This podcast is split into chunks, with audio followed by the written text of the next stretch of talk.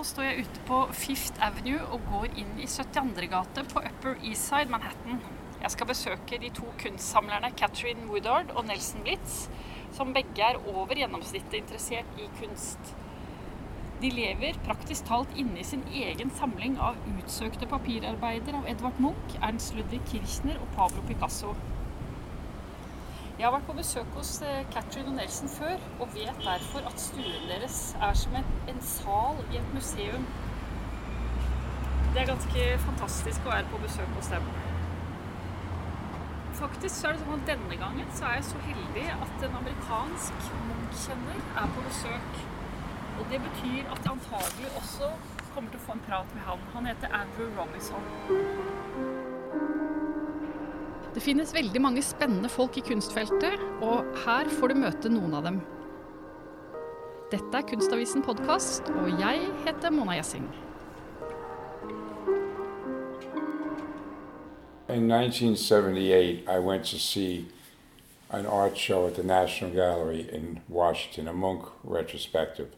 And it was in the show, and I didn't think much of it. I was collecting, I had maybe four or five Edvard Munchs, knew a little something, but not a lot. And, you know, I knew it was in a uh, famous gallery in Oslo, Norway, and I sort of forgot about it. Det er det veldig eksklusive håndkolorerte trykket Aften på Karl Johan eh, som han snakker om nå. And then I loaned my many things to an art show at the Norton Simon at the uh, Norton Museum in Palm Beach, Florida. Mm-hmm. And uh, there I saw this art dealer, Corey Bernstein from Oslo, and he said he had it and it really wasn't for sale. Og når han først begynte å tenke på det, så klarte han bare ikke å slippe taket. I got so obsessed, I've started calling him every two or three weeks for a couple of years. Negotiation was at Fortnum Mason in London, mm -hmm. yes. but I was calling him in uh, Oslo all the time. I was pretty good yeah. friends with him, and he was selling me a lot of art. Mm -hmm. Etter hvert kom han i kontakt med den norske kunsthandleren Kåre Berntsen. I met him through uh, my first print I ever bought from him. uh, a dealer offered me a print for $100,000 and I thought it was excessively too expensive. And he said, Well, call these people in Norway, Kari Bernstein's uncle, I think, mm-hmm. aunt. And when I called him up, I said, I'm interested in the picture. How much is it? He said, 60000 So that was a dealer just trying to take advantage of me. And oh. they sold it to me for 60000 rather than 100 okay. Okay. That's how I first got into contact with him. And then I went to Norway a lot, Oslo, and every time I went, and we became personal friends, Corey and I. Mm. And he passed away about two years ago. Og trykket han fikk tak i, det er virkelig eksklusivt. It's the only one in the world. This yeah. was a print in black and white mm -hmm. that somewhere along the line in time he hand painted the whole thing or hand colored it. Mm -hmm. And to the best of anybody's knowledge, uh, It's the only one. Nobody knows why. Um, they they discovered it in 19, I think 77. Corey found it in a collection, mm-hmm. but uh, his anxiety, which is has the same people in it, on Karl Johan Street, uh, is very you know he did a woodcut of it and a lithograph and many many of them. But this Karl Johan, it's a lithograph. No one knows why there was only one done and they don't know if it was printed or made in Berlin or Paris or, or Oslo. Occasionally, I tease Nelson and tell him another one's been discovered. De har også et maleri av Madonna av Edvard Munch, i tillegg til en rekke fine trykk. Jeg snakket med Morten Sontag før jeg skulle møte Nelson og Katrin, og hadde fått vite at det var en veldig spesiell historie forbundet med hvordan de fikk tak i maleriet. It was in the sale right after 9-11. Mm-hmm. Um, so we don't get the painting catalogs. So someone at Christie's called us and said, "You might want to come look at this." Um, so that because they didn't know how the auction was going to go so close after 9/11 here in New York. Mm-hmm. I bought it at public auction, Christie's, and yes. six weeks after 9/11. Yeah. I think there was a pessimism in the world. Yes. And a lot of people, you know. Uh, I maybe were apprehensive of buying art. And also at the time, uh, there's five Madonna paintings. There's one in private collection that was sold before mine. It was bought before mine. And there's one in the Hamburg Museum. There's one in the Munch uh, at the um, Hamburg Museum. There's one at the um, Munch Museum, and there's one at the National Gallery in Oslo. Yeah. So there's five in, in all. We've seen the two that are in private collection together. there, there was there was a show started in San Francisco at that museum, and it was also shown at the Met Breuer here as, as, as well too. And the Breuer, there was the other one in private collection next to mine. Yeah. I've had the pleasure when they were doing a condition report for uh, the museum shows to see it out of the frame, and it's very ethereal, and you can really appreciate even more how he's using the canvas like hmm. paint as well too. Yes. Jeg tenker at disse to må være veldig kreative for å kunne plukke den kunsten. Det trengs jo faktisk et intelligent blikk for å kunne skille god kunst fra dårlig. I have a, a I think I have a great or very good eye. I don't have a good ear for music, but I can, I think, walk into a show and see an artist, and even if I never knew what he did before, mm-hmm. I can probably pick out what I think is the best one. And I spent a lot of time in the Munch Museum, maybe a half, t- half or a dozen times with Gerd Woll, Yeah. looking at thousands of impressions of Edvard Munch's mm-hmm. prints. Yeah. So I, I pretty much know what a very good or great monk of a, of a of a theme is, and so because with Munch you really have to buy a great impression, otherwise no one wants them. No. I think there's also a creativity in how you hang them and how you display them. Yes. I've always thought about uh, thinking of it being a conversation between the pieces of art. And on the other wall over there, we have a Jasper Johns, which is clearly an homage to Munch. Um, instead, his self portrait is his paint can with his brushes in it, but you see the Edvard Munch arm, just Yes. like the Munch Yeah. self portrait. Jeg klarer ikke å la være å spørre om det er noen av bildene de setter høyere enn andre, om det er noe de aldri kommer til å selge. Probably Karl Johan, um, I a, agree. a, a Picasso, a, uh, a Picasso, Weeping Woman, the Yeah. rare estate, uh, a couple of my Kirchners, and maybe a couple of Jasper Johnses. Yeah. Jeg hadde lest at Nelson ikke hadde råd til å kjøpe malerier til å begynne med, og at han derfor kun kjøpte trykk. Det var ikke riktig. My pay grade was I couldn't even afford good prints, Ok, ok. so I never I never thought about collecting paintings. I was buying at first prints, only none that I have in my our collection anymore. Uh, I was collecting art for decoration when I got my first apartment after I lived in uh, Germany for two years as a lieutenant in the army.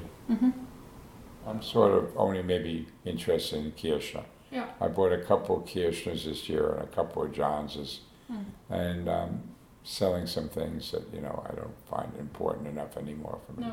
Though that can change. I mean, I remember there was a time that he sold a lot of Kirchners to buy a lot of Jasper Johns, and now it's circled back Yes. as the the favorite son. Well, I I would upgrade. I would sell something to get something that I want more.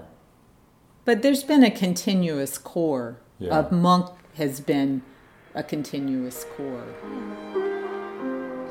Andrew Robinson er den tidligere seniorkuratoren for trykk og tegninger ved The National Gallery of Art i Washington. Andrew er en nær venn av familien, og jeg var så heldig å få vandre rundt i Catherine og Nelsons stue sammen med han og la ham beskrive verkene i denne unike samlingen.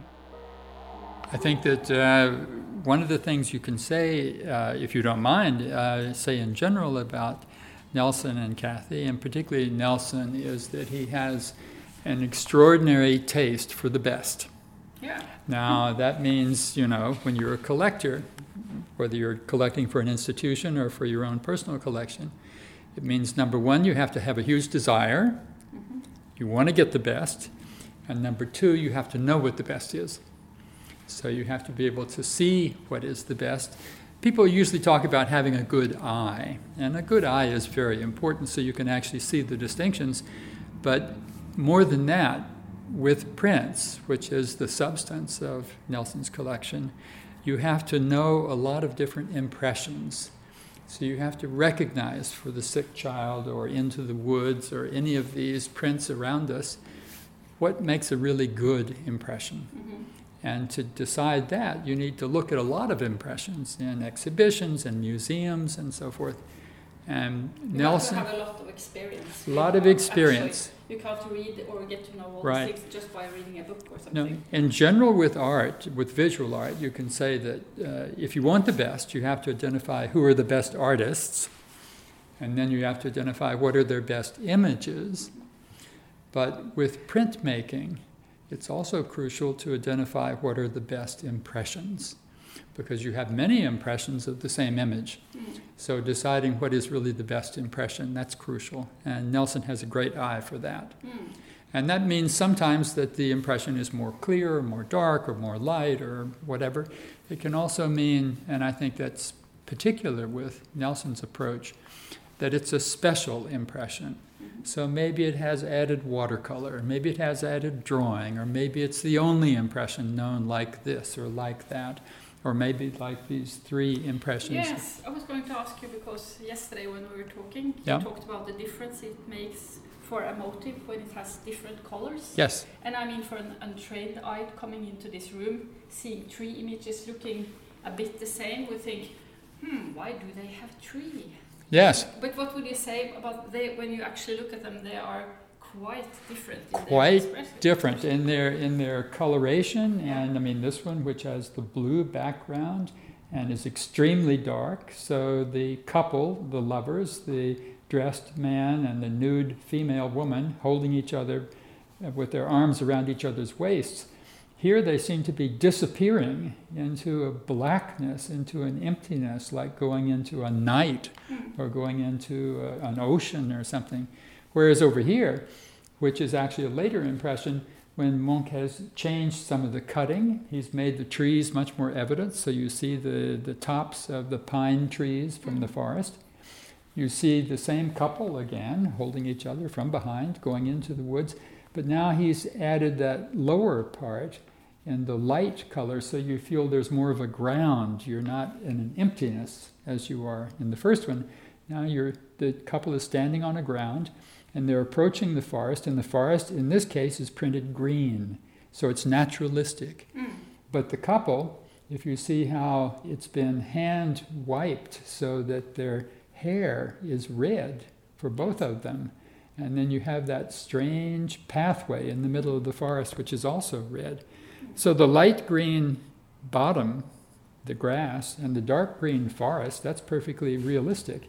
But the rest of it is quite unnatural. Yeah. And that matches the unnaturalness of the whole situation that you've got this man who's completely dressed with a suit coat on, and you have this woman who's completely nude. Yeah, and the redness makes it so dramatic because it resembles blood in a way. Exactly, and it's provocative because yeah. the red is against the green. So those yeah. two colors, which always are in opposition. But then the third impression over here is again quite different. So there you see the man and the woman, and now you have a kind of light yellow green in the foreground for the grass.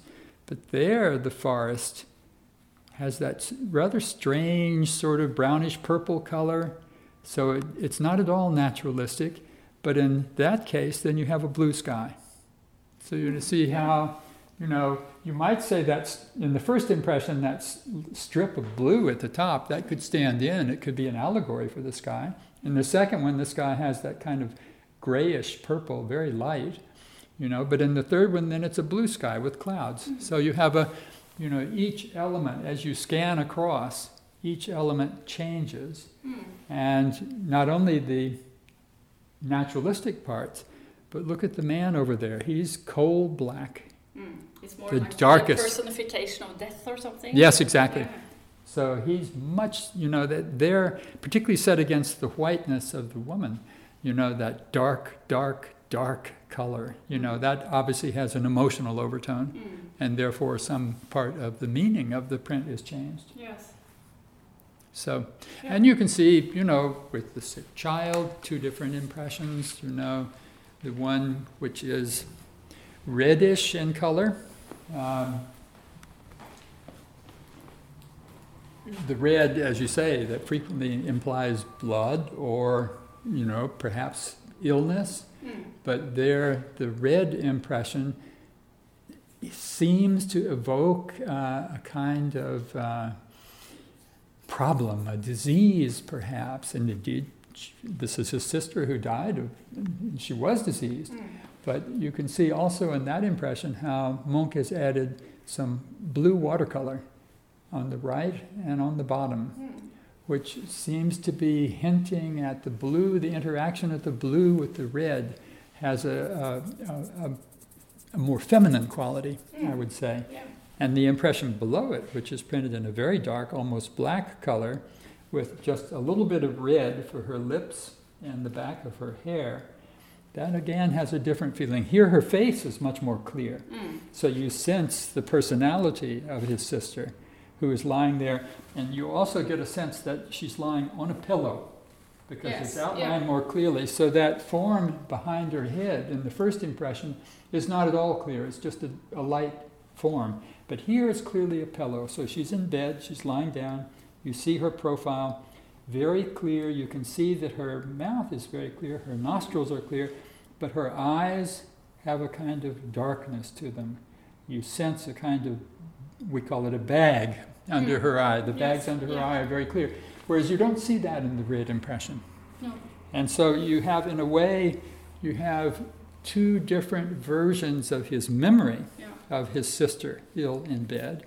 One is This- very clear. Yeah, and the, the, the bottom one here, it, it looks so much like it has been uh, drawn with a pencil or something Yeah. because it's so subtle and it's so detailed and, And very clear. Very, very clear.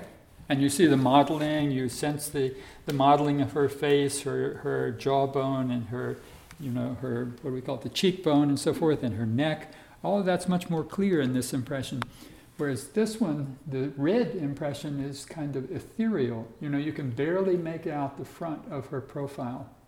So that means that the, the red color on the lithographic stone probably was not inked as heavily as the black color here. Black and white is always more clear anyway, but even here, if it had been inked heavily, you would see the profile. But here, the profile is kind of disappearing, and I find that very, very moving because it is as if his sister is disappearing. Yes. You know, the cartilage on her nose, the part of her lip above her her mouth and so forth, it's almost invisible. So it's she's- as if she's- she's she's- becoming a ghost. she's Yes, kind of, you know, disappearing. Yes. And so you get Mm. quite different emotional effects Yes. and quite different ideas. Yes. And of course, neither one is correct, neither one is right. They're more like alternative versions of the same image. And we have to remember that Munch, when he did this, is remembering yes. his sister lying in bed. So it's not as if it's a a portrait. of a sister no, no, no. He's a, it's a memory, and so his memory has all these different aspects to it. Mm, Yes. Are there any other pictures in uh, in the living room here that you are especially fond of? Many. I would guess all, but Yes. uh, I mean, I think that that you know in in the four cases here at the end the lovers in the waves the karl johannstrasse the three stages of women and ashes over there Mm. all three of those are hand colored Yes. so you can say you know on the one hand printmaking is a multiplicity process you get many many Mhm. impressions which normally speaking might look the same but Munch, like any great printmaker, Picasso or Kirchner or Rembrandt, is always slightly varying the impressions. It's like slightly different. So, in the case of the sick child, he varies it by varying the color of the impression. Mm-hmm. In these cases, he varies it by going back after the print is printed and hand coloring it. yes. So the hand coloring, you know, is very subtle in the case of Lovers in the Waves. It's just barely visible, and you can see it mainly by seeing that here her lips are white. But the, the rest of it is very much in the sort of dark, almost black Mm, and gray quality, a little bit of blue in the waves. So that gives you the sense that the waves are the waves of water of the sea Yes. or the ocean. And the three stages of women over here, Mm. the hand coloring reinforces what I think is the proper reading of the print. It's a black and white lithograph, so it's printed in black on white paper, but by hand coloring it, Munch makes this central figure pink, so you get the feeling, the flesh The flesh. the yes. flesh. Yeah. So she's supposed to be sexually provocative, sexually active, and Mm. so forth. You read the stages or the ages of women from right to left, and remember, he did it in the reverse direction. So we normally read left to right. So when he's doing the drawing on the stone, Mhm. this is the first. This woman is the first, and she's the young woman who's innocent. She has a white dress, she has blonde hair, Mm. you know, very soft coloring of her skin. So that's youth. And then comes sexual expression, sexual experience, Mm. and finally death. The woman who's all black, her face is barely visible, her body is now almost invisible. Can just see where there's a dress. Yes. So youth, age, death. Mm. Uh, and the coloring reinforces that then because if you imagine it just black and white, everything would look like that. But instead, now we have the, the hand colored pink for the flesh of the sexually explicit woman, and we have this, you know, nice, typically in Hmm. many, many cultures, blonde hair has a kind of sense of innocence to it. It seems like he's more interested in the grown-up oh, woman. Oh, yeah, absolutely. Both in and, the original. the, and the old woman, because Yeah, yeah. her face is a little Pretty bit empty. cartoonish. and, Pretty oh, Well. I have to do her, Pretty and empty. then suddenly there are much Yeah. more things to be interested yeah, in exactly. here, and also there. and also there. And that connects then to the impression of ashes, which is also a black and white lithograph, but which Munch has, you know, hand colored very strongly. And so here, the woman who has this incredible décolletage, you know, that reaches down below her pubic hair, um, you know, she with her fantastic orange uh, hair has this extraordinary red dress on. So very provocative, the red dress. The red is from the hand coloring, as is the orange hair. And here we have a kind of naturalistic background. There's a you know green forest, and we've got brown trees and so forth. Then the man who is doubled over here in the bottom left corner, you know, doubled over with pain, uh, he is left completely dark except for this color on his face, which is blue. Very weird Yes. not at all naturalistic. So the woman has a flesh color, a kind of, you know, light color, and she Mm. has then a red dress and orange hair. But the man who is destroyed by this, so what is he destroyed by? He's destroyed by the fact that they've had sexual relations. The woman is triumphant. hmm This has all been fine with her. And the man is destroyed. Yes. He doesn't know what to do. So what happened? You know, we know in Munch's life he had uh, sexual relations with very great difficulties Yes. with women. Yes. He had sexual relationships with a married woman, Yes. and it didn't work. So is that what's happening here? He's, you know, Mm. reflecting the man can no longer, cannot stand, is not as strong as the woman. Mm. Uh, so that connects a little bit back to the Yes. middle figure Yeah. in the three stages of women. He's always having this problematic that is so relevant Yes, for every ages. Of course. think. It also everybody could relate to having difficulties in uh, their In their- relationship In their with compa- sexuality, yeah, with the totally. death and everything. So the beginning of life. Except for the lucky ones. Yeah, the lucky ones. Yeah. What would you say about having this Madonna in a private home? well, the, the uh, painting, of course, is different.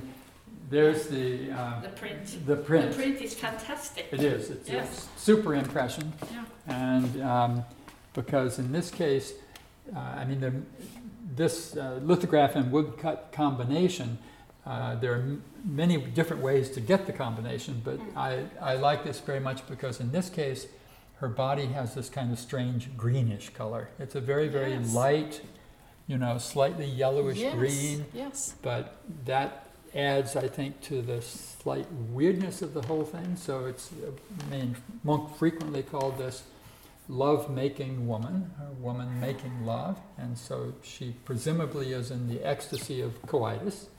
So she's been making love, uh, and she's you know into this. Her eyes are closed, you know, her mouth is open, she's leaning back.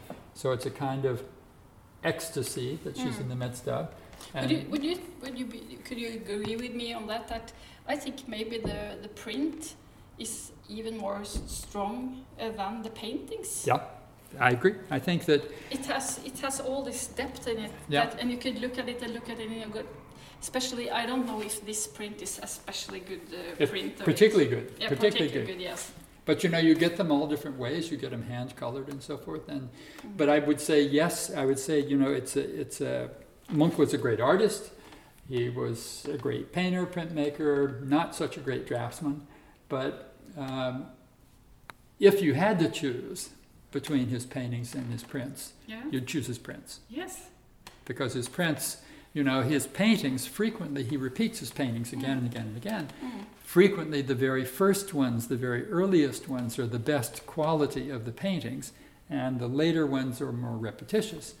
But with the prints, you have a sense that he is he is actively engaged in the printing of the prints, and that every one is special. Mm. Yes. I mean, yeah, of course, he could. There could be a failure. There could be a problem with the press or something.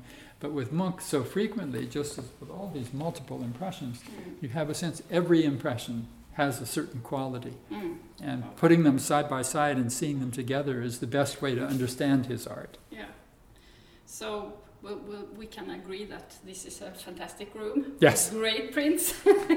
Thank you, Andrew, so much. Very welcome.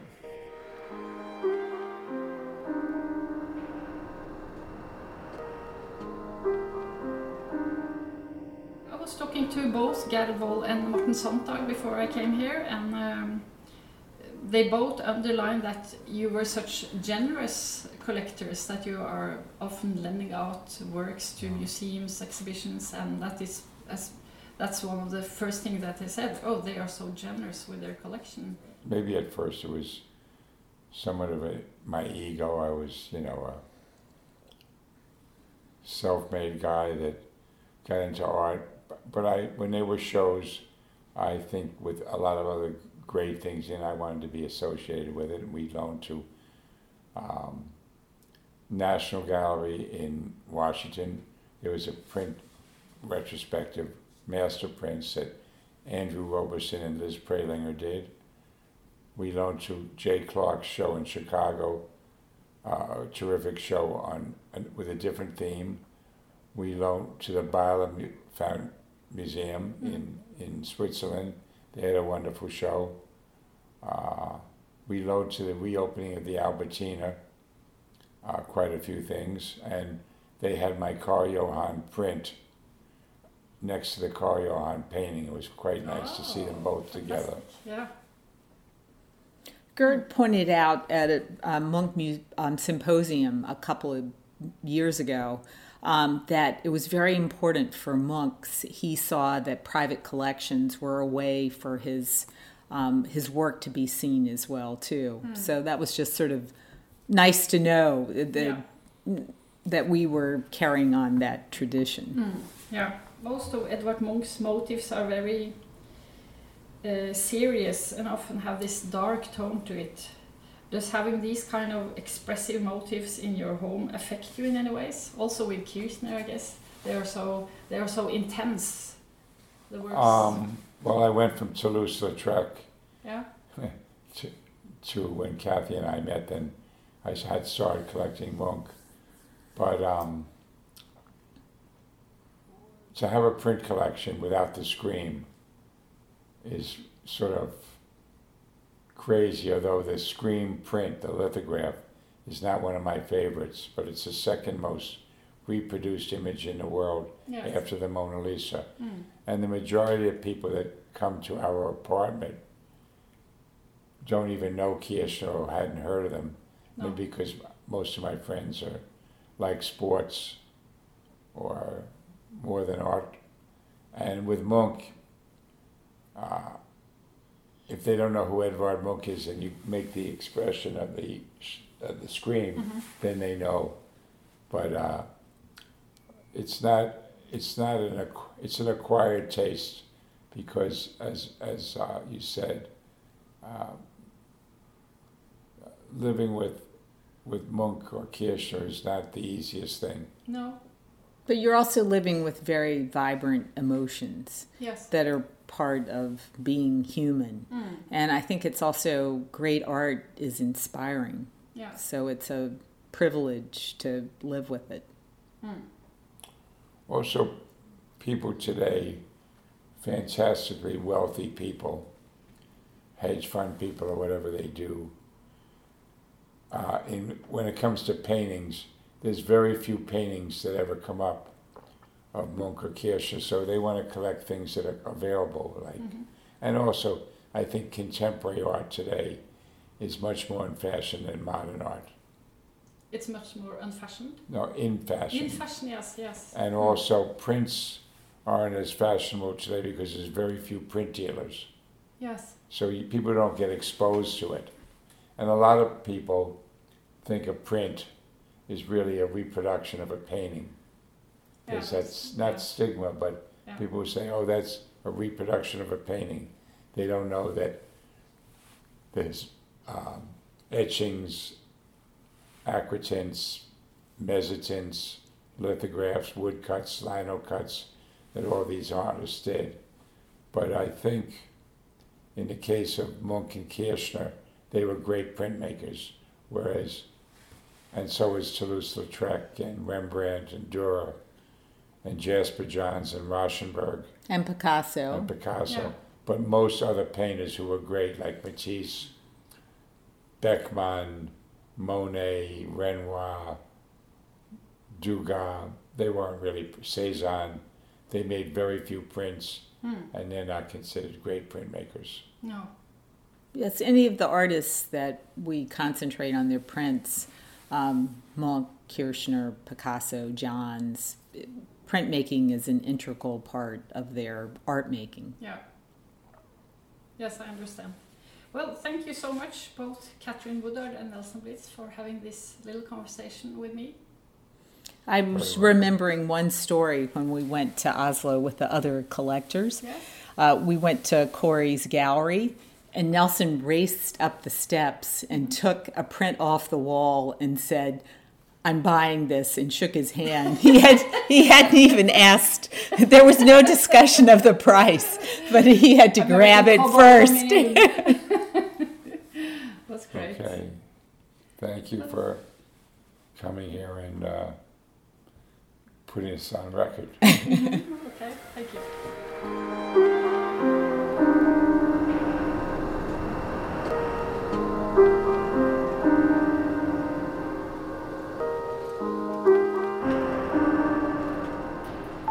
Denne Podkasten er produsert av Tid og Lyst. for Kunstavisen med støtte fra Ekkos Legat.